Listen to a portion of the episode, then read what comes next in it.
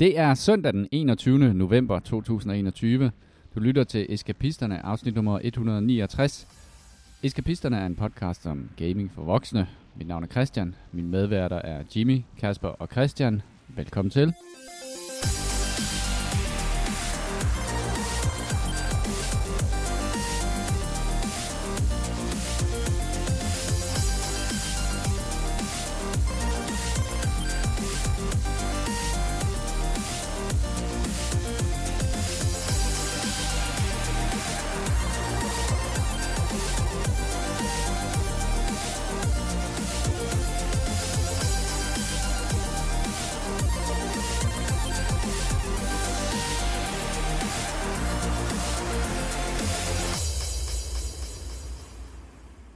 Jeg har, jeg har bestilt en ny computer. Det er jeg Det er, det er jo sådan noget, der er større end runde fødselsdage næsten, for det sker jo sådan Lidt. cirka, ej okay, det sker måske, det sker sjældnere end ved femte år for mig, at jeg jeg bestiller kan huske, en at du ny fik en computer faktisk. Jamen det må være, det må være, det er mere end fem år siden. Så det er sjældent en VM i fodbold. Ja. Det er sejt. Ja. Det er sådan en, en OL-level event. Men øh, hvordan, er, det er ikke så lang tid siden, du købte computer, Christian. Ja, men det er jo den der hypernostalgi, for det er alligevel, jeg tror da alligevel, den er, ah, hvad er den, tre, tre år gammel? Er den tre år? Det tror jeg da. Hold da kæft. Jeg vil gerne aftage grafikkort for din uh, nuværende Ja. computer. Men det jeg har fundet ud af, det må du gerne, Kasper. Hvis jeg ikke øh, bygger sådan en eller anden øh, til... Jeg har spurgt Lea, om hun vil aftage mine. en, en Bitcoin miner med 10-70 kort. Øhm, jeg, jeg, jeg, ved, jeg, jeg har garanteret gjort et eller andet forkert. Men, øhm, men, men jeg kunne simpelthen ikke uh, tage mig sammen til at sidde og hvad det hedder, læse reviews af bundkort og processorer og sådan nogle ting. Så jeg sagde bare sådan, okay, her er mit budget. Jeg har sat 15.000 af til det, og så endte jeg med 17.000. Uh, og, det, og det er sådan, det plejer at gå. Men udover at det plejer, at nu det, det er selvfølgelig blevet lidt dyrere nu, ikke? Uh, der var en gang, hvor at en, en god computer, den kan man få til uh, hvad, 10.000 kroner, var det ikke Ja, det? det, 10, 10 er meget godt. Øh, der kan du stadig godt få noget, tror jeg. Men, men jeg tror også, at, uh, at krisen på grafikkort og sådan noget har, har gjort det dyrere, har det ikke? og Eller har jeg bare brugt for mange? 30-80'erne, de, er sådan, de har en sådan rimelig frisk pris. Altså 30-80'erne synes jeg næsten nu koster det samme som i 30-90, da det ligesom blev, blev prissat, og så mm. Corona. Ikke? Jeg, havde Så- været, jeg synes ikke, jeg havde råd til det, hvis jeg skulle have LED i øh, min vandkøling. Man. Problemet er jo Nogle også efterhånden, at ting. man, man køber jo et grafikkort, og så putter du en computer udenom. Ikke? Det er jo ligesom sådan en uh, AT Warthog, hvor du tænker, her er en kanon, jeg skal skulle skyde med, bygge en flyver udenom den. Du køber nogle LED-lamper, og så bygger du ja, computer ud. præcis. ja. Køber et lysshow og tænker, så hvad skal Men- jeg også kunne? Men der er, der er øh, på de RAM, jeg kunne ikke købe andre RAM. Altså, altså jeg, kunne, op- jeg opgraderede til 32 GB RAM, og det er sådan nogle RAM med øh, R, RBG LED på. Det er det samme, der er min, eller ikke øh, med, med lys i, men øh, jeg har også 32 GB i min, øh, hvad hedder det, bærbare på arbejdet. Mm. Jeg, jeg ved ikke, hvad jeg har fået ud af de flere 16 GB mere RAM, selvom jeg også har sat en begrænsning på mig selv til max 30 tabs åben i, i Chrome. og det er ikke fordi, at, øh, hvad hedder det, Jeg godt, jeg ved, hvor din ram er henne. ja, jamen, t- ja, 30 tabs burde den kunne klare. Jeg, jeg synes Ja. ikke, det er blevet bedre, de der 16 GB RAM. Jeg kan ikke rigtig mærke det. Jeg synes stadig, den har det tungt med en del sider. Så. Apropos prisstigninger, det, okay, det er rigtig kedeligt at voksen. Jeg var ude og kigge efter en stålbrædpande. Ja, Okay, jeg var nu lækker, færdig godt. lækker. se, se Jules ansigt lyse op, som et barn på juleaften. Er vi nået til anbefalinger? Men de kræftede med en dobbelt pris, altså også under corona. Det er fucking irriterende. Nej. nu har jeg aldrig. ja. Men det, det er fedt for jer i jeres veletablerede hjem med brædepander. Men vi er nogen, der lige er kommet ind på markedet, og også er nødt til at etablere et anstændigt køkken. Det er Der er, usandsynligt at være new homeowner lige nu. det er som om det ikke var svært nok at komme ind på boligmarkedet. Men Så alle de der ja. efter Men omkostninger. entry-baren på se. Hvis man ikke har fem stålbrædpander, man kan sælge, så kommer man aldrig ind. Nå, Jeg synes, du skal sætte din friværdi i brædpander. det var den anden store nyhed i dag. Tak for i Øh, dag. Tak for det. Men øh, hvad var det for noget af Star Trek? Der er nyheder omkring Star Trek. Det er garanteret dig. Ej, hvor overraskende. Star Trek Discovery, øh, den nyeste ikke, det var faktisk ikke den nyeste af serierne. Det var være den fjerde nyeste efterhånden. Der var, øh, hvad hedder det, den der New Frontier på vej, og så er der Lower Deck, og så er der Prodigy, den der øh, børneserie fra Nickelodeon. Men Star Trek Discovery, den serie, der ligesom genstartede serien igen, øh, den er nået til fjerde sæson. Og så tænker man, fedt, det er jo vant til at se på Netflix. Øh, det skal jeg ikke denne her gang, fordi øh, Paramount, de har jo selvfølgelig også lanceret en streaming service, der hedder Paramount Plus. Så tænkte jeg, jamen, Det er den, der ligger på TV2, ikke? jo, øh, så man kan, kan købe det for et lille ekstra beløb, men fordi jeg har det gennem Telmore, så kan jeg ikke købe det til en nedsat pris, så jeg har været ud til, nødt til at gå ud og købe Paramount Plus. Men her kommer The Kicker, fordi selvfølgelig Paramount, de vil jo gerne have det over på, så de får flere penge hjem for deres egne ting. Men øh, Star Trek Discovery øh, annoncerede lige to dage før launch. Øh, den, øh, hvad hedder det, kommer i Europa på et eller andet tidspunkt i 2022. Altså selvom Paramount Plus eksisterer i øh, blandt andet Danmark, så kan man alligevel få lov til at vente til det. Så det er fantastisk. Det er, det, det, det er rimelig dårlig fanservice, vil jeg sige. Det, det, det er det, som Netflix også gik igennem, ikke? At det der med, at der var noget på amerikansk Netflix, som ikke var på europæisk Netflix, og Ja. HBO har været igennem det samme. Og... Men lige nu ligger det ingen af stederne. Nej. Og øh, jeg tror, det er fordi, der er en karans øh, deal i forhold til det, at øh, hvis Paramount opsagde det, så må det ikke komme på et eller andet andet i en vis periode. Så det er det, man lider. Og det, det er stadig så upræcist angivet som early øh, 2022. Det er jo... Øh, okay. Er det nok at- for dig, at du har én ting, du gerne vil se, til du bestiller en service? Hvis det er Star Trek, ja. Ja. Så, Så, jeg har, så den, den, den slagter bare alting. Ja, alle, præcis. alle økonomiske hensyn. Ja. Alle, alt det, Alle du skulle brugt til brædepandeinvesteringer.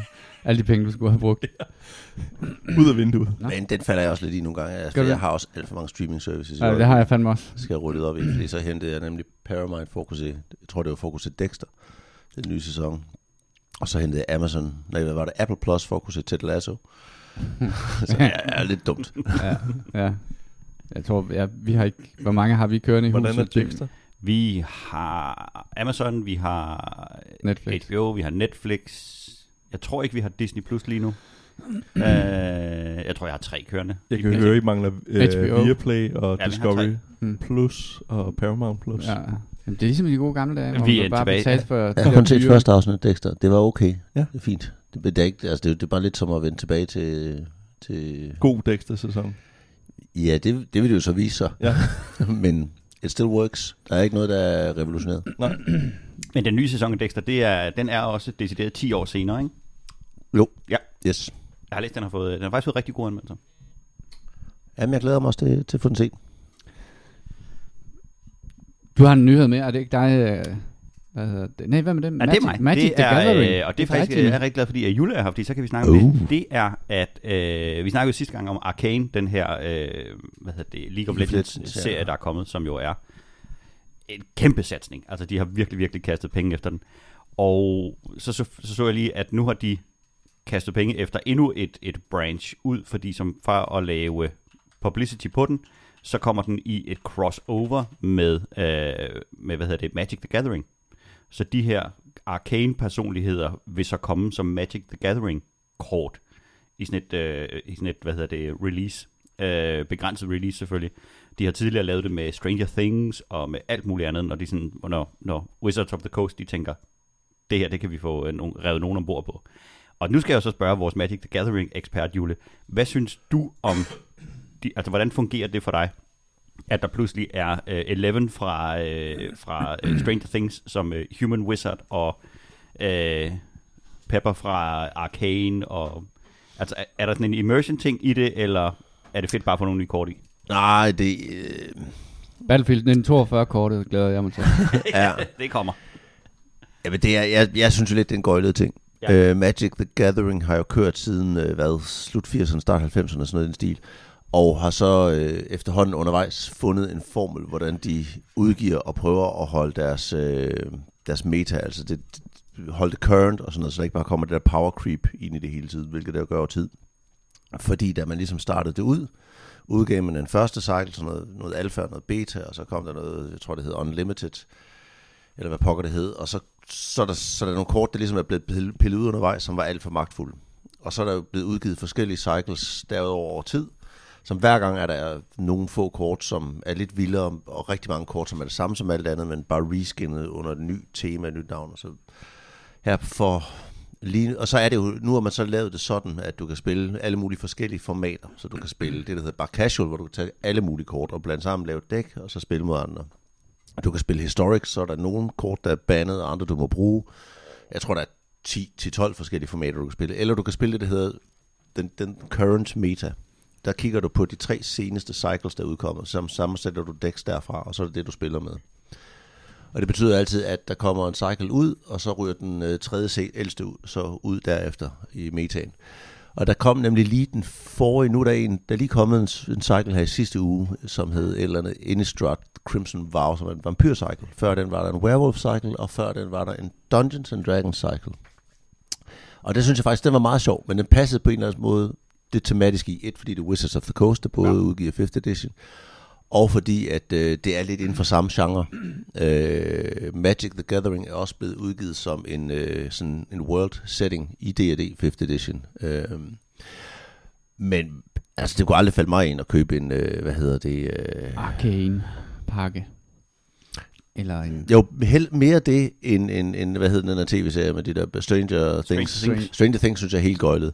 Arcane kan jeg lidt bedre tage ind i, fordi det stadigvæk er fantasy, øh, og, det, og det ligger sig i den samme verden, øh, på en eller anden måde, eller det samme, det samme spor, samme tema, men jeg synes, det er en lille smule gøjlet. Ja. Og jeg synes også, det er det der med, det er jo svært at genopfinde sig selv hver gang til hver cycle, så jeg tror bare, at øh, jeg synes jo, det sjoveste, det er at spille med de gamle kort, og bare spille casual, så samtidig Mm. med et eller andet dæk med whatever, og prøve måske at fylde nogle få nye ind. Men to each his own. Er Black Lotus stadig bomben?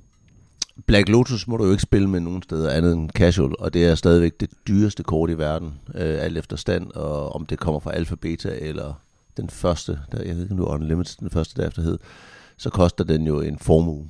Jeg, jeg synes, det er ret vildt, for jeg kan huske, fra 75.000 op til et par millioner. Jamen, jeg, jeg kan huske, da jeg stod øh, og var begyndt, øh, altså som, øh, ja, som, som barn, da jeg var første gang inde i byen og var inde i Farve Cigar, og kunne se det der kort deroppe, der kostede 1600 kroner, altså Ja, Black Det- Lotus. det skulle du have købt. Ja, ja, præcis. der skulle du have hugget det, til. det er fandme sindssygt at tænke på, ikke Men- også? Altså, For nogle år siden købte jeg fire lande for, øh, for 900 kroner. Øh, sådan nogle dual lanes. Det var noget, der også var det oprindelige. Du, havde sådan, du har jo fem, fem former for mana, som du bruger til at kaste alle dine spells, som er baseret på de her lande. Du har sort, hvid, rød, grøn og blå, som er, som er swamps, islands, plains, bla bla bla. Så har du nogle lande, som både er for eksempel sumpe og plains, som både kan fungere som sort eller hvid mana. Og det er jo ret nyttigt. ja, dem, dem kan jeg godt huske, ja. Ja, præcis. Det er ret nyttigt, hvis du har et dæk, der bygger op af, at du har to eller tre farver i det. Dem har de kun lavet øh, ganske, øh, ganske tidlige cycles, hvor der ligger de her dual lanes. Efter det så er de gået over til, at hver gang du har sådan en dual lane, så er der altid et eller andet catch ved kortet, at det kommer på bordet. At det er tabt, så du kan bruge det første runde, eller du skal betale et liv for at få lov til at spille det, eller et eller andet. Der er altid en condition med de der. Så de ægte dual lanes, de er, de er også ret værdifulde. Der købte jeg for år siden et par til 900 kroner. De står nu, de fire kort, jeg har, af dem står nu til, jeg tror det er 6.000 eller sådan et eller andet. Det er fandme sindssygt. Det er helt godnat. Så det Men- burde jeg jo ikke spille med, men det gør jeg. Men pointen er, at det er, det er ikke første gang, at de tager sådan andre franchises ind og laver sådan en mashup.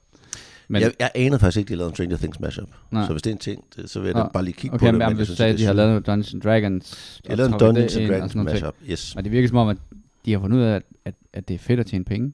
Ja, og det er jo en vej, man kan gå ned af. Rigtig langt ned af, det, det kan man godt. hvis man vil. Men altså, det, det er jo, hvad kan man sige, core-konceptet Magic, fordi at jeg, hvad hedder det, spillede, hvad hedder det, Magic way back i, det har været før 2000, og havde nogle dæk der, og spillede sammen med nogle venner, og så, hvad hedder det, øhm, de yngre fra min studiegruppe, var lige pludselig havde samlet Magic op for nogle år siden, og så var vi i sommerhus, og de sagde, Nå, men tag lige dæk med, og så videre. Og jeg kom jo med mine dæk, jeg havde et blåt dæk, som sådan en typisk counterspil øh, dæk, og går i gang med at spille det, og så var jeg op mod nogle af de nye serier, hvor at der er nogen, der ligger en, øh, blå kan ikke øh, kaste spil. Nå. det, øh, det var ikke så sjovt. Altså, så, så du, hvad kan man sige, hvis man ligesom følger med, så skal du hele tiden forny din dæk, medmindre man ligesom aftaler, når vi spiller, og vi spiller med denne her serie, eller max op til den her serie, fordi øh, mig og en anden, øh, også en, en, hvad hedder det, på min alder i, i studiegruppen, vi sad med vores dæk og var sådan, øh, hvad fuck er det her, vi spiller imod? Nå, men, I, du kan ikke kaste spells. Nå, okay, men hvad skal jeg så? Ej, det bliver rigtig hyggelig aften, det her. Kan du så ikke gå ud og tage opvasken, Ja, præcis. når du er i gang? vasket Du spiller øh, USA, du kommer ind i spillet om to dage. Ja, præcis. altså, det, det var ret bizart. Øh, så, altså, det var altid lidt ligget i Magic, og øhm, jeg kan huske, da jeg var mindre også, hvor mange gange vi købte for en speciel serie, fordi der var en af vores venner, der første gang, øhm, han havde købt for den serie, øh, jeg kan ikke huske, hvad fanden det var, serien hed, men der fik han bogen fra Singir, som var relativt meget værd dengang. Øhm, og det betød, at vi jo brugte alle sammen tusind på, det- på, for den serie. Ingen af os fik den, anden end ham, der lige havde været heldig med den første pakke. Altså, det var idioti, for at sige det mindst. Øh, cool. Øh, så skal vi snakke om, hvad vi har spillet i øh, ugen, der er gået. Øh, og det har jo været en uge, hvor at der er kommet en, et, nogle, nogle ret store udgivelser. En af de helt store, Dem har vi ikke spillet. dem har vi ikke spillet. Vi, vi, er, ja, vi er gået ned i, uh, ned i uh, tilbudskassen og har fundet et, uh, et lille polsk spil. Det hedder Forza Horizon 5. Ja, uh, Forza Horizon 5, og du har spillet det, Jimmy. Jeg har jeg, spillet det. jeg har installeret det, og jeg har ikke startet det op. Ej, jeg, øh, jeg så det kom på Game Pass, og så kastede jeg det straks øh, Xboxen over og stod og koge med det. Og da jeg kom hjem fra arbejde, så var det installeret, jeg kunne sætte mig ned og øh, faktisk kunne jeg spille introen, mens vi sad og så øh, kommunalvalgsaften, fordi det var ikke helt så action-packed, som det måske var kørt op til at være. Men øh, det tager fat lige præcis der, hvor at øh, firen slutter. Det er den samme hovedperson, øh, og historien fortsætter sådan så, at øh, efter man har terroriseret de øh, britiske øer i sine racerbiler, så, øh, så bliver du flyttet til Mexico, og den her Forza Horizon Festival, den er så i Mexico nu. Så på den måde er det rigtig, rigtig meget det samme spil. Hvis man kunne lide Horizon 4, så kan man lide Horizon 5. Det er det samme, bare pænere og flottere og med nogle ekstra features. Men der er stadig de samme ting, man skal lave. Man skal køre rundt i den her open world og øh, køre igennem nogle skilte, eller forbi nogle fartkameraer, eller nogle løb, og alle de her ting. Og de har også stadig de her øh, exhibition runs, hvor du skal køre mod øh, to mand på motorcykel og en flyver, eller mm. alt muligt andet. så på den måde, der er, det, øh, der er det det samme, og mere af det, og det er simpelthen så flot. Og hvis man, øh, hvis man har Game Pass og har plads på sin øh, Xbox, så spil i hvert fald lige introen igennem, for de har lavet en helt genial måde, hvor de øh, lærer dig at lave, øh, eller spille spillet på, og det er, at du bliver airdropped ud af et fly i fire forskellige biler, og så skal du køre et stykke af en, øh, af, en af de der baner, øh, sådan så du ser de forskellige biomes, der er i, det, i den her meksikanske setting, øh, som de har. Og, der tager de dig så selvfølgelig igennem sådan nogle øh, pre-planned, øh, super flotte baner, hvor du skal lave flyvehop med slow motion og øh, røg, der bliver skudt ud, og alle mulige, altså helt vilde ting, og kommentarer på alt, hvad du laver og sådan noget. Og det er en virkelig, virkelig god intro på 10 minutter, hvor at man, at de viser potentialet af, hvad du kan finde i spillet. Og det er, er faktisk en meget fed ting, i stedet for at man starter i en eller anden kedelig bane, og så her lærer du at bakke, og her lærer du at så køre rundt om de her kejler, og hvad, alle- hvad, hvad folk de nu enten laver af, af introbaner. Men du bliver ligesom lige øh, vist igennem, jamen det er det her, du kan forvente, der sker. Og, øh, og, og hvis du kører rundt, jamen så vil du se cirka det her. Så sker der selvfølgelig også en masse andre ting, men, men du får sådan en kæmpestor intro til, hvad er det, du kan opnå i spillet. Du får lov til at køre i nogle helt vilde biler på nogle helt vilde områder. Er der, øh, er der sådan noget, øh, når man kører ind i hinanden og sådan noget, er der vehicle degradation, eller bliver bilerne smadret? Og Ja, det gør noget de, ting? men gør de. ikke meget. Ja. Og er det, Det er, det er ikke sådan, at de ruller rundt, og så, Nej. altså, de kan for eksempel ikke rulle rundt. Nej. Uh, du kan køre ind i noget, så kan du stoppe, og så kan du re- reverse kameraet, og så kan du prøve igen. Og du kan godt køre rundt i relativt lang tid med bulede skærme og smadrede ruder og sådan nogle ting.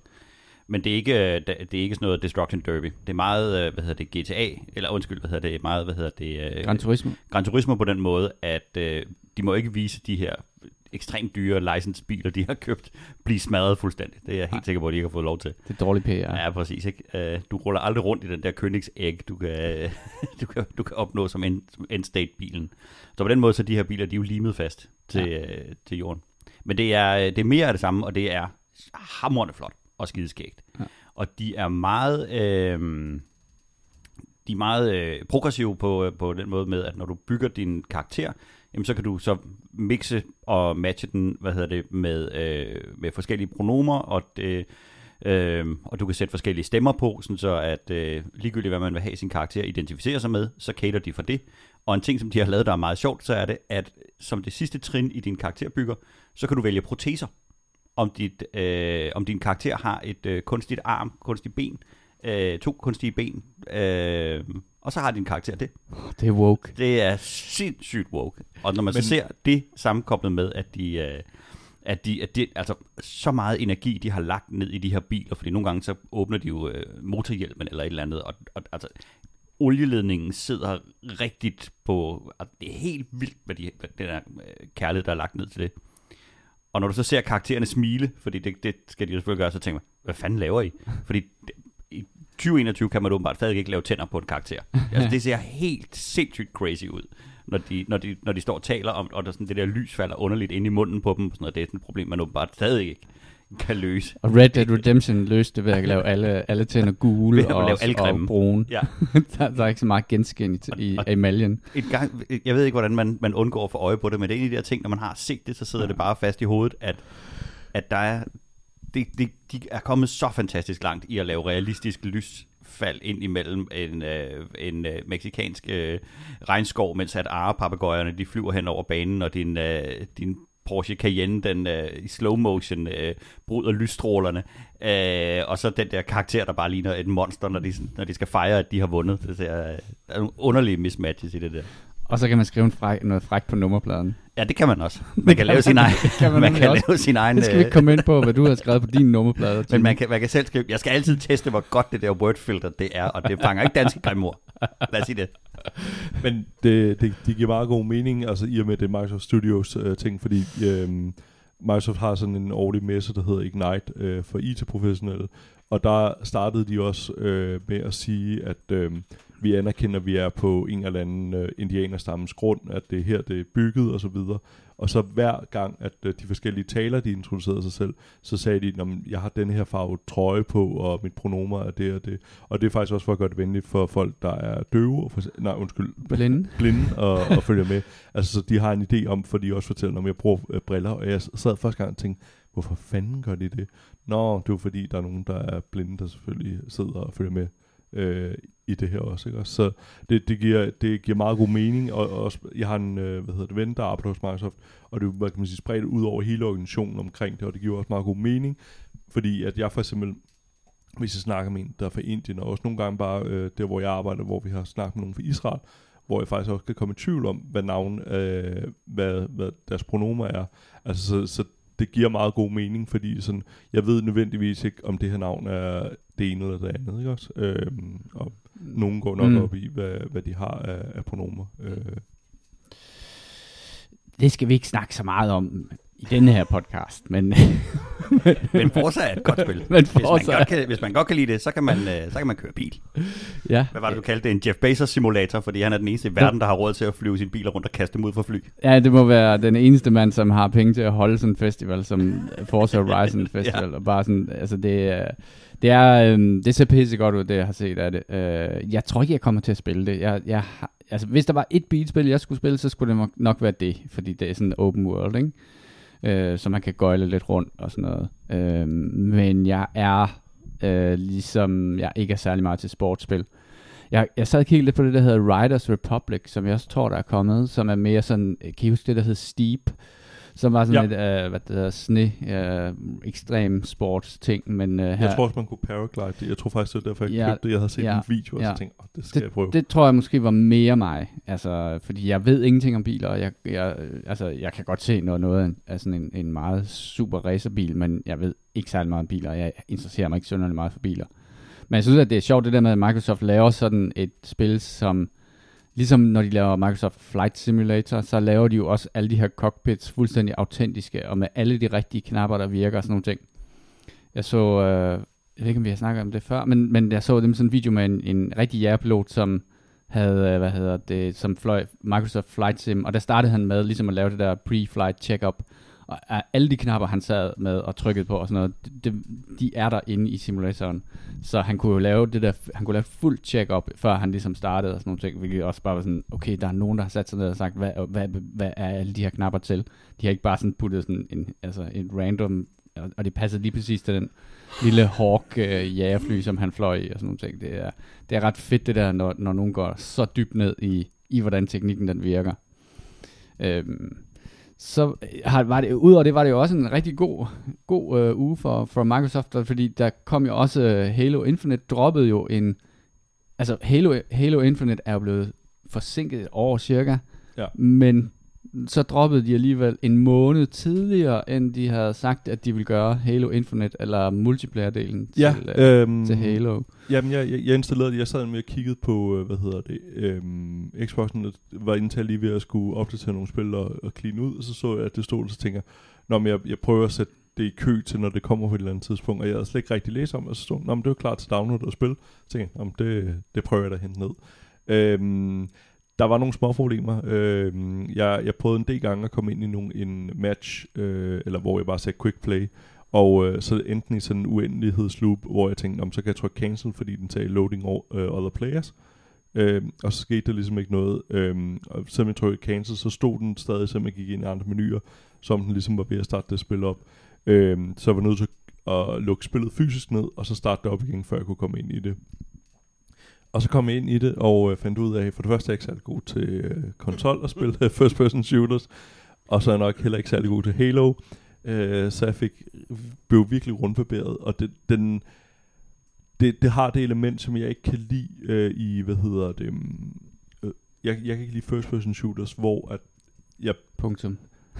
Nej, hvor at, hvad hedder det, hvis jeg overrasker en bagfra, ja, øh, så hvad hedder Myrder det, han så- mig. Ja, nej, men så vil jeg gerne, altså så, så vil jeg have overlægget der, at jeg rent Overtaget. faktisk kan, ja, Ja. øhm, og det, det kan jeg ikke, det er, folk kan nå at vende sig rundt og, og dræbe mig, Ja. det, det synes jeg er frustrerende. Så det, det, det er, det, Er, det- er det en generel ting, eller en dig ting i dit spil? Ej, det, er- det er luk røven, øh, Julie. Øh, men, hvad hedder det, det, det minder mig om, øh, the time to det, kill. uh, Team Fortress uh, Ja. ja. 2, Ja. hvor at, uh, at um, og jeg kan rigtig godt lide spil i uh, stil for eksempel Call, uh, Call of Duty-spillene, eller Quake, eller sådan noget, hvor at, jamen, hvis jeg, selvom jeg er dårlig til spillet og så videre, hvis jeg kommer bagfra, så har jeg klart overtaget, og det føler jeg ikke, jeg har i det Mm. her. Så det, jeg tror ikke, det bliver et spil, jeg kommer til at spille særlig meget. Jeg, jeg har også uh, spillet det. Jeg installerede det på, både på Xboxen og på PC'en, uh, fordi jeg tænkte, at uh, det ville nok være godt at, hvad det hedder, at bruge en mus til at spille det. Men det er rigtigt nok, altså det der adskiller, nu var, nu var det lidt det der med, at de launchede nu, det må have gjort ondt på Battlefield, tror jeg. Det tror jeg også. Øh, været- det, ja. det tror jeg, og særligt fordi Battlefield, det, det kan vi snakke om senere, men, men øh, er jo også pladet af en masse bugs og sådan nogle ting. Men, men det, som, øh, som jeg kan forstå på Halo, fordi jeg har nemlig heller aldrig rigtig dyrket det der Halo, der, det er, at det, der hedder Time to Kill, øh, er meget længere i Halo, end det er i traditionel Battlefield eller Call of Duty-spil. Og det vil sige, man har, altså firefights er mere sådan en manøvreren rundt om hinanden, øh, hvor man laver, altså for mig virker det meget som noget, jeg kan huske, jeg har prøvet i sådan noget øh, Unreal Tournament og sådan nogle ting. Ja. Altså hvor man ligger sådan og hvad der strafer imod hinanden og skyder og løs. Øh, jeg vil sige, øh, det, det der, altså fordi det, det sjove er, at, at Halo har fået en kanon modtagelse af, af spillerne. Øh, men når jeg sidder og kigger på Halo, så er der, øh, så minder det om den måde, man lavede multiplayer shooters på for 10 år siden. Jamen det, Og det- det, det, og- tror jeg også, og jeg har heller aldrig været, altså, været særlig bit af Ha- af Halo, men jeg tror, der har en kæmpe skare. Altså det var ligesom, der var, hvad hedder det, um, jeg var til firmajulefrokost i fredags, øh, der kommer en god pointe med det, øhm, og vi har altid sådan en relativt stor band, der, der spiller til vores julefrokoster, og i år, der var det Minds of 99, og alle gik fuldstændig amok, og ja. jeg kunne ikke være mere ligeglad. End, altså, og det er ikke, fordi jeg ikke kan glæde mig over andres, men jeg tror bare slet ikke, det, det, er, det var ikke et bane for mig, og det her er ikke et spil for mig. Altså, øh, jeg har prøvet flere gange med Halo, fordi det jo, altså, det er jo noget, der virkelig bliver volddyrket på Xbox. Det siger mig bare intet. Altså, og jeg ved ikke, om der også er crossplay, fordi det virkede som, at så dårligt føler jeg ikke, at jeg er med en controller, men det kan godt være alligevel, at øh, jeg spiller mod med nogen med mus, men det, det er jeg lidt usikker Jeg på. tror, du kan slå det til og fra. Okay, Jeg mener, at du kan slå det fra, hvis du er på konsol. okay. Øh, det kan du også i Battlefield. Der- Du kan selv vælge, om du vil have fuld crossplay på det. Øh, altså, som sagt, så, så jeg ved ikke, øh, jeg, jeg, jeg, jeg havde også den her, var den her fornemmelse af, at jeg synes, at det her, det, altså, det er ikke fordi, det er dårligt, og jeg tror måske, at det er det der med, altså, er der, var der opfundet en eller anden guldstandard for, hvordan et godt multiplayer-spil skulle være. En af de ting, jeg blev mærke i, uden, og det, det kan sagtens være, det bare mig, hvorfor er det, hvorfor er det Spartans mod Spartans? Jeg troede, de var... det forstår jeg heller ikke. Hvorfor er det ikke øh, mod de der aliens? Er det ikke, øh, er det, ikke Ja. ja. det, som uh, kampagnen kommer til at handle om? Eller også leger de med hinanden. Ja, det, ja, ja, er det sådan, er det sådan en practice run, eller sådan et eller andet? Ja, jeg stil? tænker. jeg ved det ikke rigtigt. Men altså, jeg synes egentlig, altså, det er jo flot nok, men... Jamen, det, det altså, er flot, og der er jo gang i det. Jeg- Jeg kan bare mærke, at det er som, at når, man- altså det er jo, det er hvis der er et eller andet, en, en type mad, man ikke kan lide, uanset hvor godt det er, så sådan, jamen, jeg kan bare ikke lide det til at starte med. Altså, Mm. jeg tror, det er lidt det, det med, med, med Halo. Det har den fordel, at øh, det kører væsentligt bedre på min PC, end øh, Battlefield kører på min PC lige nu. Så jeg tror, at øh, det er i hvert fald bedre optimeret. Øhm, og så skal man jo beslutte sig for, om man synes, at man vil spille shooters med controller. Øh, jeg tror, at det her er mere tilgivende i forhold til controller, fordi time to kill netop er så lang. Også fordi, at som jeg forstår det, så handler det meget om, at du laver sådan nogle combos, hvor du, hvor du faktisk kommer tæt ind på folk, og så melder du dem, og så du ved, bakker du Øh. tilbage, mens du smider to håndgranater og sådan nogle ting. Jeg skal have en knap på tryk på, jeg skal ikke tænke over Ah. at skal knapper. så skal du i hvert fald ikke spille Battlefield. Du er den tredje julefrokost, jeg har hørt om, der har haft Minds ud at spille. Ja, Minds prøv, at- jeg har også hørt om en øh, firmafest, som har haft Minds den. Jeg Kæft, Jeg var- kæft, jeg jeg var meget den der øh, røvballepølle, øh, Ja. møllen der. De tjener kassen lige nu, tror jeg, på at holde fester i mellemstore firmaer. Ja, det var ret tydeligt, fordi de gik på klokken 20, så det er ikke den første ting, eller øh, det, det er ikke den sidste ting, de skal i aften. Nej.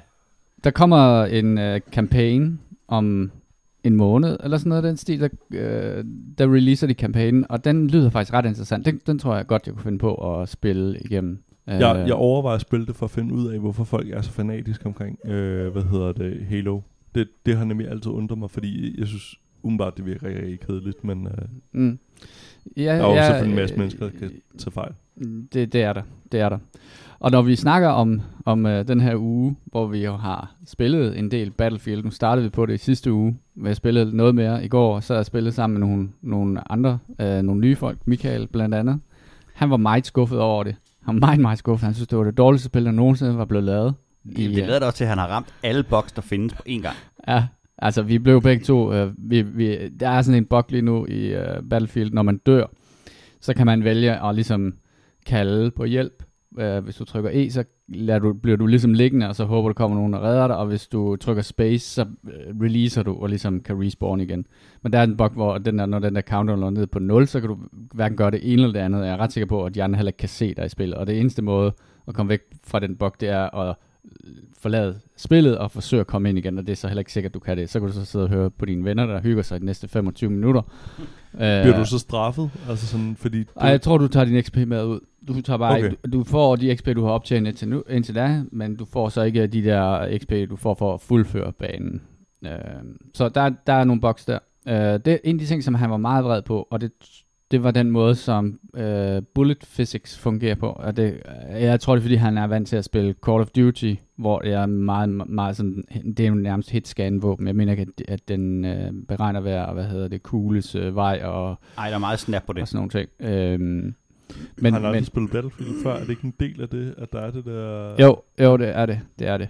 Men, men nu er Michael også sådan en ting, sådan, at han er meget sådan, du ved, enten eller type. Og, kan og, lide men, men, men, øh, men, men jeg, det, som han har en rigtig god pointe i, det er, at der sker noget, fordi han er, han er måske den, den, jeg kender som er aller, aller bedst til first person shooters.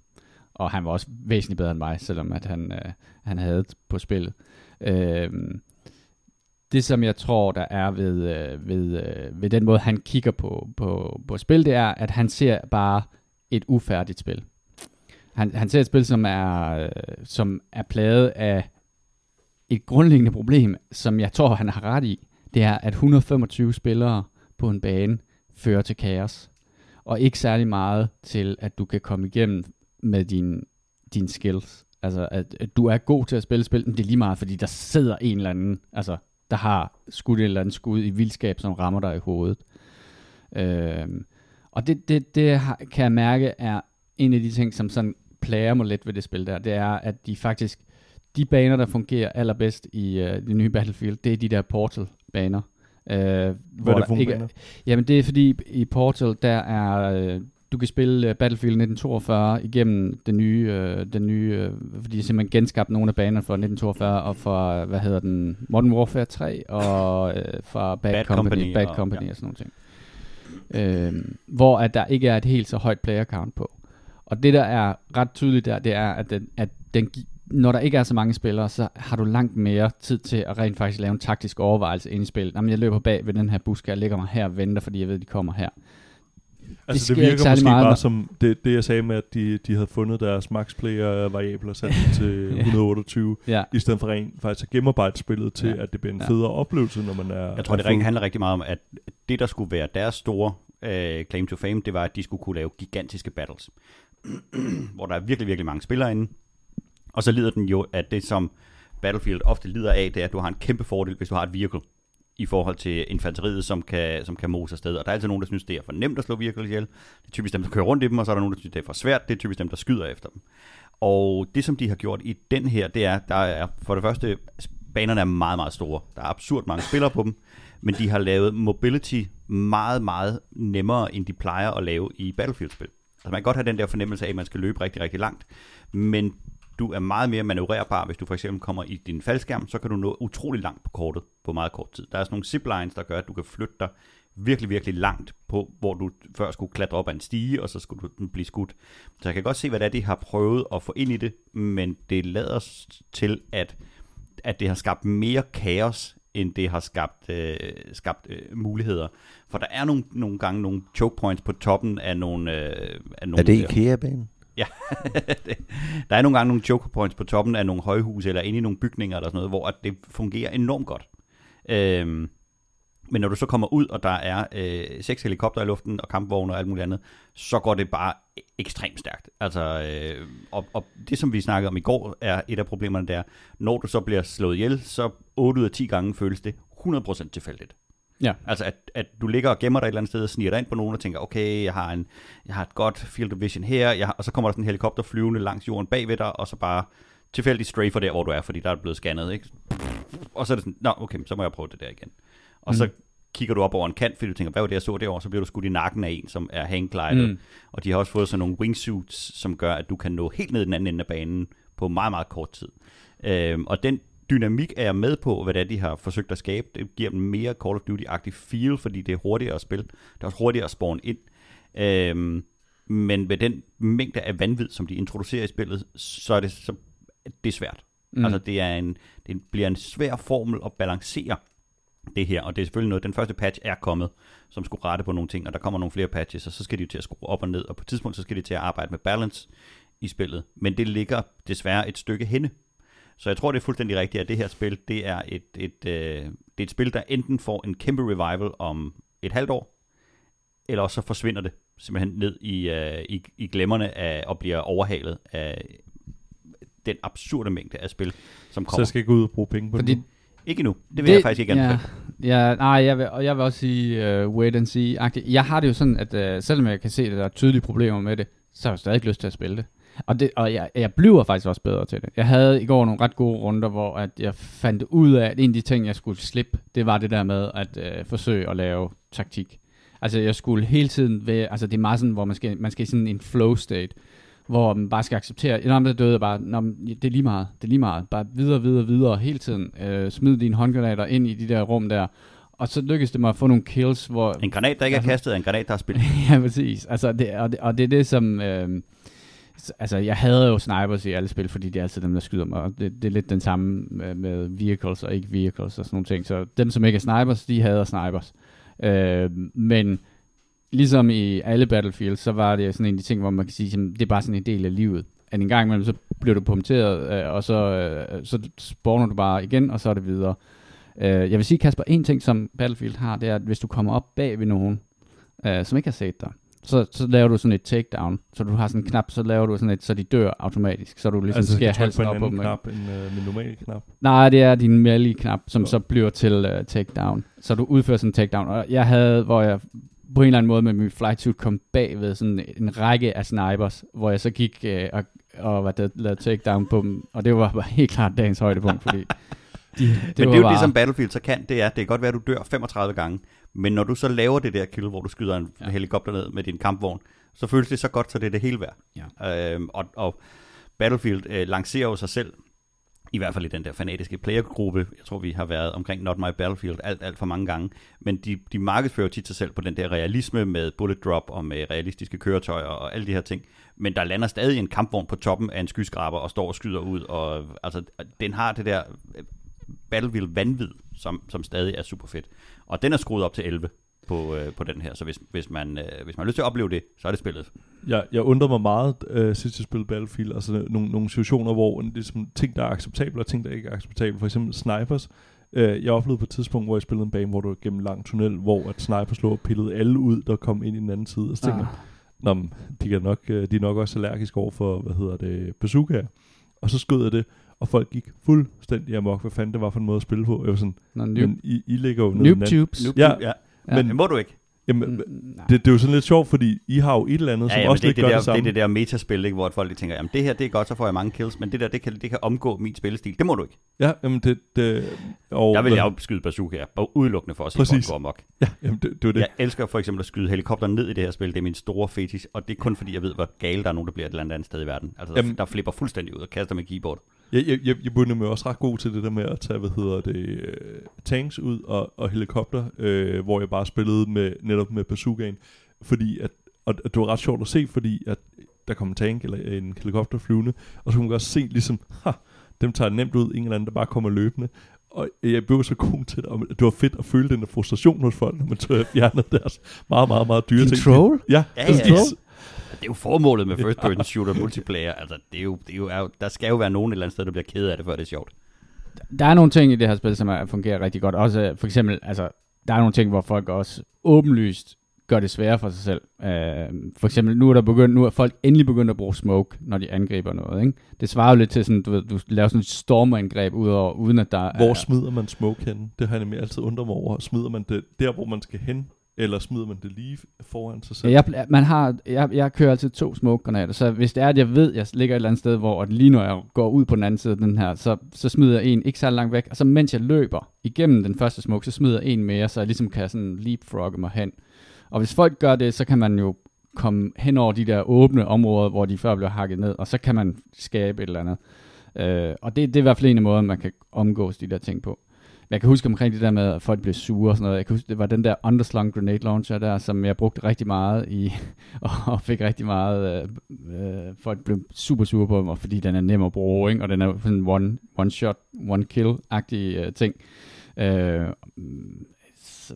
ja, så det, det, men det er, der, er, der er en fornøjelse i, at, folk er sure på en, hvis man er, hvis man er for god. Det er, Det er der hele pointen. Helt sikkert. Helt sikkert. Så, og så er det også, øh, det, det er måske øh, det spil, som har gjort, at jeg endelig fik bestilt den der nye PC der, fordi at det kører simpelthen af lort på min PC. Det som der er øh, i den, i, med det her, så er det jo, at det, øh, det bottlenecker PC'er på et andet sted, end de sådan helt traditionelt, nemlig på grafikkortet, så, øh, så er det enormt CPU-afhængigt. Øh, netop på grund af den her ballistik. Og hvis du har 128 spillere, der, skal, der alle sammen skyder, og nogle af dem skyder med miniguns, og nogle af dem øh, skyder med raketter, jamen så skal, så skal der laves virkelig mange ballistiske beregninger. Og det er jo lige pludselig ikke dit grafikkort, der gør det længere. Det bliver jo portet over på CPU'en, og så skal den sidde og finde ud af, at hver eneste gang, at der er en af de her 128 spillere, der, der skyder, jamen hvad er så bullet drop, og hvad vil den ramme? Mm. Og er der sker det, det er. Intel, der har sponsoreret det spil? Det tror jeg. Og så øh, en ting, der faktisk undrer mig lidt, det er, at øh, DICE lavede de her Star Wars Battlefront-spil, som brugte det her phototelemetry, som bare så så pissegodt ud. Altså, det her, det ser, det ligner altså noget grafik før, at man fandt på det der phototelemetry og sådan nogle ting. Kan I ikke huske, at der var... Hvad i var det, det i- gjorde? Jamen det gjorde bare, at øh, de har taget billeder af, hvad det hedder, rigtige rock formations og sådan nogle ting, og så brugt dem ind i spillet. Det gav bare et sindssygt lækkert look i de der, hvad det er, Star Wars Battlefront-spil, og også i Battlefield 1. Men det virker som om, de går tilbage til noget, som er Det ser mere... gammelt ud. Det ser nemlig gammelt ud. Det, det ser lidt ud som om, at, at øh, de ikke rigtig har fået fyldt tekst deres på nogen steder. DICE fik heller aldrig styr på deres uh, Frostbite engine, ligesom uh, da de skulle lave, BioWare skulle lave Mass Effect, og heller ikke aldrig rigtig fik styr på Frostbite engine. Det må være det. Det- Så er de bare gået tilbage til det gamle. Så bare scratch it. Men det virkede jo fint i uh, Battlefront og sådan nogle ting. Altså, det så bare så sindssygt godt ud. Jeg kan bare huske, det, hvor jeg tænkte, wow, det er virkelig et generationsspring. Spring. og det synes jeg slet ikke, den fornemmelse har jeg slet ikke med det her. Og det kan godt være, fordi min computer simpelthen kun kan køre det på medium, eller hvad det er. Men jeg synes, synes, når jeg stenene ser flot ud der. øh, Ja, men jeg, ja, ja, nogle af stenene Altså, ser jeg meget kører flot ud. Rock Formations, lige præcis dem, vi sidder og kigger på her, de er meget, meget flotte, men lige før, der var du inde i et, i et varehus, og de der papkasser, man løber igennem, det kan man godt se, det er bare... øh, Det, Det bare, lignede Counter-Strike, jamen, det er, det er, jo, præcis, det er seks øh, brune felter, der er sat sammen. Der er ikke, øh, der er Ja. ikke kælet for noget som helst i forhold til den der, og der kunne man godt have lavet en, en væsentlig forbedring af tingene. Øhm, og, og det er den der fornemmelse af, at man går frem og tilbage mellem noget, som er enormt flot, indtil noget, som er meget broken bygget. Øh, ja. og, og Det er også spil noget, med, skal- fyldt med modsætninger. Ja. Og Ja. alligevel øh, bliver jeg ved med at synes, at det er, altså der, altså, der er jo et eller andet, der gør, at det er, det er din... Øh, der er mindre dårlige ting, end, altså fordi man jagter de der Battlefield Ja. ja. moments, Ja. ja. som de jo selvfølgelig også selv har ja, markedsført Battlefield sig er, på. øh? Ja. det er kæresten, der slår dig. Ja. ja. Øh, men det er ikke det eneste, vi har spillet. Øh, Kasper, du har spillet andet Battlefield-spil. Ja. Eller Battle, Battletoads. Battletoads. Hvad er det? Øh, hvad hedder det? Side-scrolling. Øh, hvad hedder det? Øh, smash em up-spil. Øhm, som jeg, jeg, jeg, jeg kastede mig ud i, fordi jeg, det var vist en, en meme øh, på nettet med at ringe til GameStop og sige, øh, har I Battletoads? Og så kom spillet på Game Pass, og så tænkte jeg, nu skal jeg prøve det. Øhm, det er ret flot, sådan rent grafisk. Øhm, men øh, hvad hedder det? øhm, man, skal være på spiller for at spille det. Øh, sådan en side-scrolling ting bliver aldrig rigtig sjovt. Øh, det er mere den der dynamik, man har med hinanden, øh, når, man, når man spiller det. Så det, øh, jeg tror, det er gamle, du har taget op der. er det Men, men, men det ligner sådan noget uh, Mutant Ninja Turtles. ja, præcis sådan et øh, spil der. Det, jeg, jeg kan vende tilbage til det, når der lige er nogle venner, der vil spille det sammen med mig. Coco? Mm. Øh, vi er lige hunden herinde også. Øh, så det, øh, ja, grafikken ser lidt sådan der ud, øh, hvilket er ret imponerende sådan rent grafisk, men øh, sådan rent spilmæssigt, der, der fungerer det ikke særlig godt som, som singleplayer-spil. Øh, jeg tror, det bliver sjovere, hvis man er på stykker. Men, Hvor, øh, hvor har du uh, spillet det henne? Det har jeg spillet på Xboxen, på, det ligger på Game Pass, så Okay, det kostede billigt. men hvad, hvad, hvad, hvad er det for, altså det er et combat, altså sådan action fighter? Ja, ting? smash, em up, side-scrolling, smash Ah, em up, okay, spil, okay. tror jeg, det hedder. Ja. Øh, ligesom de der gamle Ninja, øh, Mutant Ninja Turtles, man kunne spille på øh, arkaderne, hvor man så lige kan klikke sig ind. Jimmy, du har spillet... Men jeg har også spillet et, øh, det er så et øh, side-scrolling øh, postler, øh, der hedder Elechead, som er en platformer. Øh, meget simpel øh, 8-bit grafik, øh, som, hvor man skal, man skal løse nogle, øh, nogle små øh, puzzles på, øh, på hver skærm. Det, som er taket i det, så er det, at øh, man spiller en lille, øh, en lille øh, fyr, som er et, et lille batteri, nærmest, og når han rører ved en overflade, så bliver den, lyser den op, og så aktiverer den.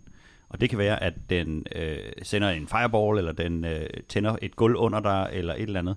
Øh, men jeg så en beskrivelse af det som, som værende en puzzler, hvor at man skal sidde og tænke over, hvad kan jeg ikke gøre? Ah, Og det du så, når du har barberet alle de ting fra, som er, hvad kan jeg ikke gøre, så har du fundet ud af, hvad du skal. Og på den måde, øh, så, så fungerer det faktisk utrolig godt som en, som en puzzler.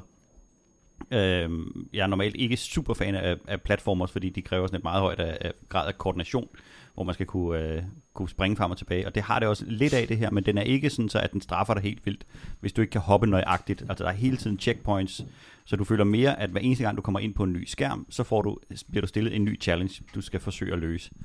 Øhm, og det, øh, det er bare et, et, et virkelig hyggeligt spil, hvor at, at man sådan øh, kæmper sig igennem. På et tidspunkt, så kan han begynde at kaste med sit hoved, sådan så at han kan fjernaktivere ting, og så har du så 10 sekunder til at nå hen til, øh, til din krop øh, og, og samle den op, og på den måde så bliver puzzles så mere avanceret. Øh, og det er et, et, jeg tror, jeg er ved at være, at være færdig med det. Jeg har spillet, spillet det i, i nogle timer. Øhm, det er et, et, et meget belønnende lille hyggeligt spil. Selvfølgelig er der frustration, når du kommer til et eller andet, så tænker okay, her kan jeg ikke regne ud, hvordan jeg kommer igennem. Men den der idé med hele tiden at sidde og tænke, okay, hvis, jeg, hvis der er alle de her ting, jeg ikke kan, så må, der, så må der være en eller anden ting tilbage, der mangler, og så prøver jeg det. Og puzzles er ikke super kompliceret i det. Det er ret fedt. Så hvis du ligesom regner ud, det er det, jeg skal, så er det helt sikkert det, du skal. er det PC? Øh, ja, Ja, okay. Steam? Steam, Steam. Øh, koster øh, nogle euro. Det er ikke Hvordan kom du på det? Jamen, jeg så en anmeldelse af det, som sagde, at det her det er en virkelig, virkelig god postler. Okay. Og jeg er jo rigtig, rigtig glad for gode postler. Ja. Øh, og jeg er, er super glad for det her. Det ligner sådan noget øhm, grafik, som minder det om... Jeg kan huske, der var sådan et spil, der hed Magic Miner, som jeg spillede på min Amstrad 464. Ja, Som var, det er- det er sådan lidt øh, den samme øh, meget simple look over det. Ja. Øh, jeg ved ikke, det er vel ikke... Jeg ved ikke, hvad, hvad sådan noget grafik hedder, men, men det er meget, meget simpelt. Det kunne også køre på en Switch, jeg tro. Det kunne det sagtens. Forholdsvis øh, nemt. Eller Og- Steam Deck. Eller Steam Deck. Ja, vi, øh, vi er blevet, håber. Ja, som er blevet forsinket to måneder. Igen. jeg nok. Igen, jeg. Ja, igen, igen, de, øh, igen. De Så- tidligste øh, releases hedder ja, early 2022 nu, ikke? Ja. Øh, så ved selvfølgelig ikke- bliver det forvænket. Det vidste vi jo godt. Ja, det vidste vi godt. Kasper, du har spillet et sidste spil. Ja, jeg fandt endnu et spil på Xbox Game Pass, uh, Kill It With Fire, som er et, uh, ja, Kill It With Fire, det er selvfølgelig uh, æderkopper, der bliver refereret til. Et uh, ret simpelt og grimt, uh, hvad hedder det, uh, first person, hvor man skal dræbe æderkopper på forskellige vis. Uh, som der var nogen, der bemærkede, da jeg læste om det, så virkede det mest som, det er et uh, spil til YouTubers, altså som ligesom kan lave nogle reaction-videoer, fordi der ah. er jumpscares i det. Øh, jeg nåede ikke særlig langt i det, fordi at øh, introbanen er ekstremt forvirrende. Man har et checkboard, hvad man ligesom skal. Øh, så kommer jeg ind et sted, og så står der, at man skal øh, finde en scanner til at finde øh, æderkopper. Den finder jeg. Så kommer der en objective frem, hvor der står, at nu skal jeg åbne ind til, øh, hvad hedder det, badeværelset. Og der kan jeg ikke komme ind. Og det er introbanen. så prøver jeg på forskellige måder at dræbe flere æderkopper, så jeg kan stadig ikke komme ind, og det kan jeg ikke forstå. Øh, og så prøver jeg at finde nogle guides på nettet, hvor der også er flere, der skriver det, og så kommer jeg ind, udvikleren ind og siger, øh, jamen du skal ligesom dræbe flere æderkopper. Det havde været ret rart, hvis I havde informeret om det. Så der straffede jeg spillet og slettede den med det samme. Så det var det, jeg nåede af det spil. Okay.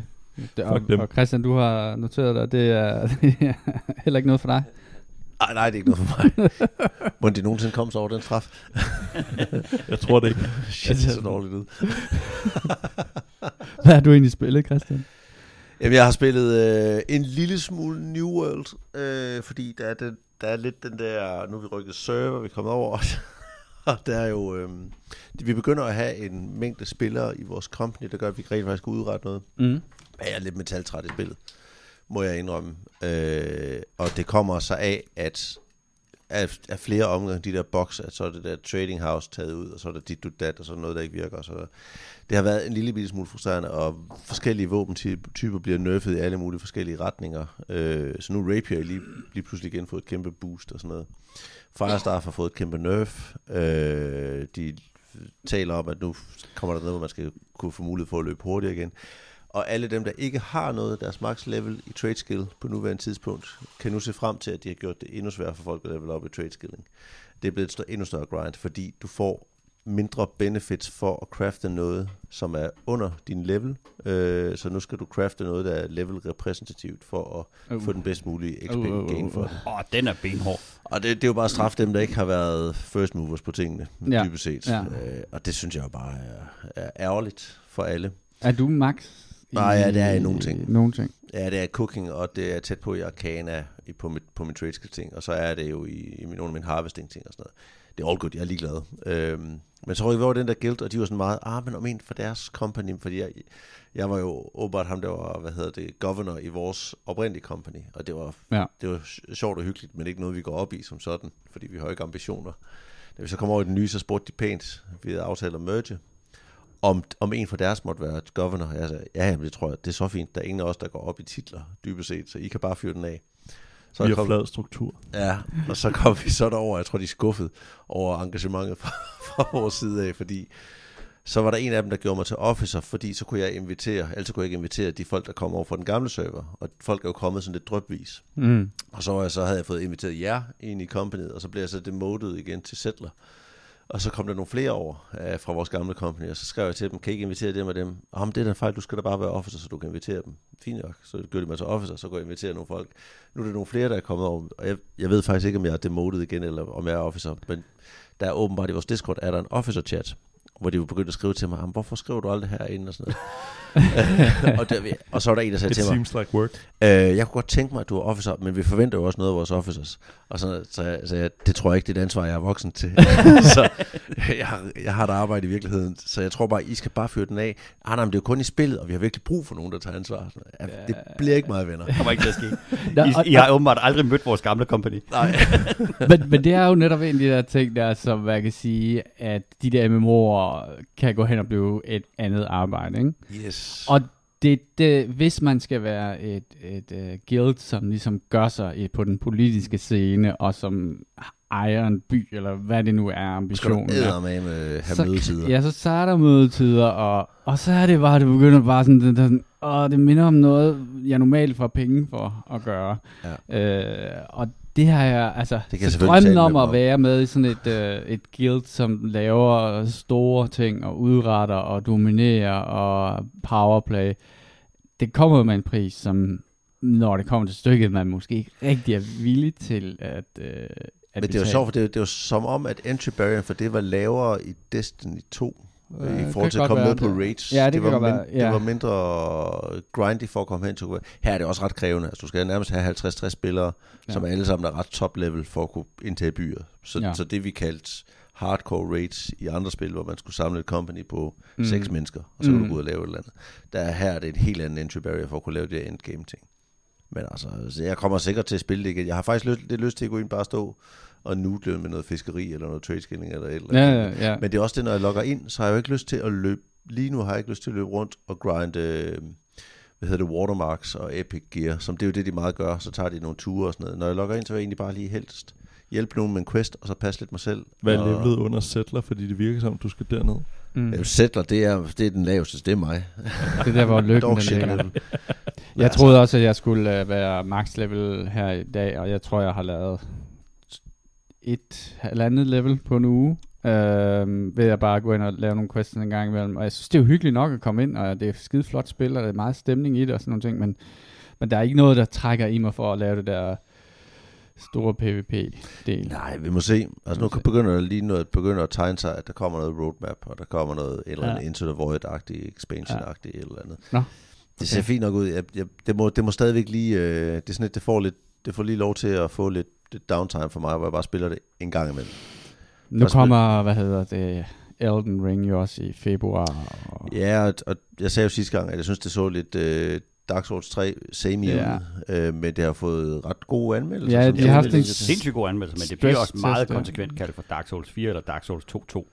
Og hvis de så til gengæld revolutionerer nogle gameplay-elementer, som, som der er lidt tale om, at, at de måske gør noget multiplayer og noget, hvordan open world fungerer, mm. så, er det jo, så er det jo fedt. Ja. Så lad os se, hvad fanden det kan. Men jeg har spillet lidt Inscription, som frustrerer mig rigtig meget, fordi det taget Jimmy Det ravede er hele ideen. Og jeg synes jo, det er kedeligt. Men ja, det er så, Ja, hvad det er. Øh, så har jeg spillet lidt Magic the Gathering online, og så har jeg spillet, jeg har downloadet FIFA Football Manager 22, men har ikke spillet det endnu.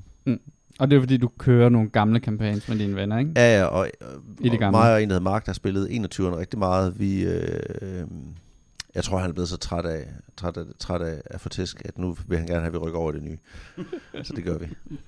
Det er den, Så Mark. vil han vil gerne have tæv på en ny måde. Ja. Ja, det kommer jo ikke til at ændre sig. Jo, det gør. Han er, det, er jo, det er jo bare fordi, at øh, Bare været uheldig et år. han har været uheldig i fem år træk. Eller sådan. Skal vi have nogle anbefalinger? Øh, du har set den film, som jeg overvejede at sætte mig ned og se. Ja. Og valgte alligevel ikke at gøre det. Og vi er, vi er i anbefalinger. Vi er i ikke, anbef- ikke anbefalinger. Ja. Det ved jeg ikke. Er det en anbefaling, Kasper? Det er Red jeg, Notice. Ja, Red Notice. Uh, The Rock og... Ja, og Ryan Reynolds og Gal Gadot. Øhm, den er, hvis man forventer intet, så bliver man ikke skuffet. Øh, det er en uh, meget klassisk sådan 90'er actionfilm. Den er ikke dyb på nogen måde. Den føles lidt som Indiana Jones kombineret med lidt... Øh, lidt nye effekter, der er sat på. Der er nogle, en del af effekterne er faktisk ret grimme i forhold til, det har kostet rigtig mange penge. Jeg tror, den har været rigtig, rigtig dyr, fordi at The Rock er rigtig, rigtig dyr. Og Ryan Reynolds tror også er rigtig, rigtig dyr at have med. Øh, så jeg tror måske, det er det, der har presset prisen op, fordi sådan rent effektmæssigt er den ikke sådan vanvittigt imponerende, for at sige det mildt. Men det er, det smager Indiana Jones øh, med noget kubfilm, og det er, og jokesen er heller ikke sådan vanvittigt. Du, du skraldgriner ikke af den. Jeg bliver altid bekymret, når sådan nogle film har en enormt tung marketingskampagne Ja. leading up to the launch. Det, det er altid et bekymrende tegn. Og det har den haft. Men, men ja, tag det for, hvad det er. Altså, det, det er en actionfilm, øh, så, så hvis man savner et eller andet action, hvor at der bliver sagt noget sjovt en gang imellem, så, så er det et rigtig godt bud på det. Det er ikke stor filmkunst på nogen måde. Øh, det, det, det, det kunne føles lidt som en Indiana Jones. Den er bedre end Indiana Jones 4. Øh, det siger heller ikke så meget. Det, det er måske det, Indiana Jones 4 skulle have været, denne her. Det er jo The Crystal Skull, ikke? Jo, det er det. Og det er noget med, at de jagter nogle guldæg, som er Øh, Cleo. Cleo- Cleopatra. Det er noget med den ene er en 20, og hun er en 20, Kleopatras og så er der en agent, Ja. ja. og de skal arbejde sammen og prøve Ja. at stoppe hende og et eller andet. Og Ja, præcis. Hold kæft, det ser tamt ud. Ja, det virker... Altså, Se det.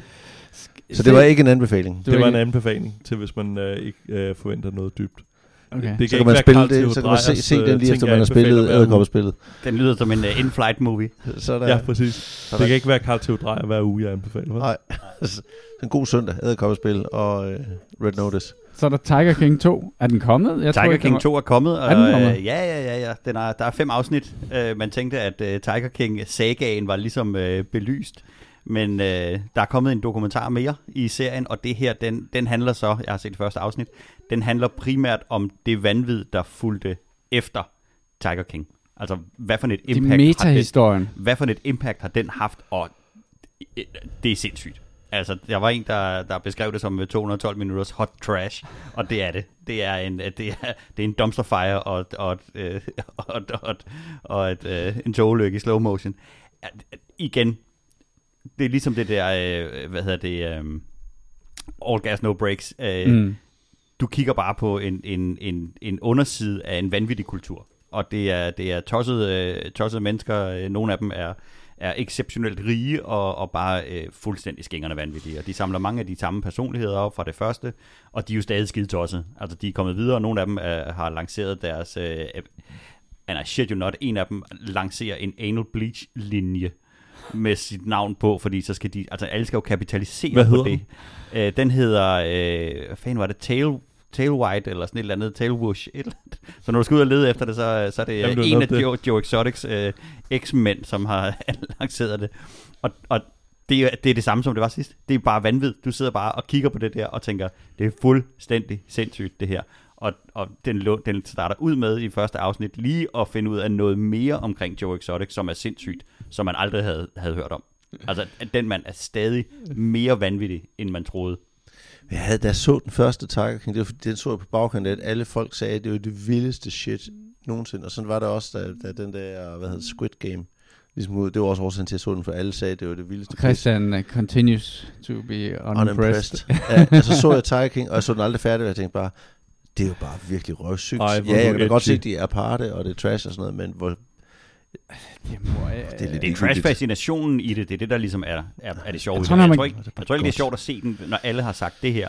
Det er det vildeste, der sker. Ah, Jeg tror, det er sjovt at opdage den. Ja, jeg tror det, det, det er sjovt at opdage den og ikke forvente noget, men når alle ligesom har ravet den, og så set den, og så finder ud af, okay, det er faktisk ikke særlig god kvalitet, det er lidt ligegyldigt. Det, der er faktisk ikke rigtig noget i den, som er så eksplosivt, som alle gerne vil synes, Og det så tror være. jeg også, at der er noget med, når man tænker tilbage på øh, coronaepidemien og sådan nogle ting. Hvad var, hvad var så Det var en af det, de- der redde os gennem det den var- første del af corona. der var et eller andet der, som var noget vanvid, som var sådan, at, at man kunne lukke for den der latterlige, eller den der Timing var sindssyge øh, perfekt, da de pandemi, som havede ude foran ja. vinduerne ved at kigge ned i sådan en virkelig bizarre verden.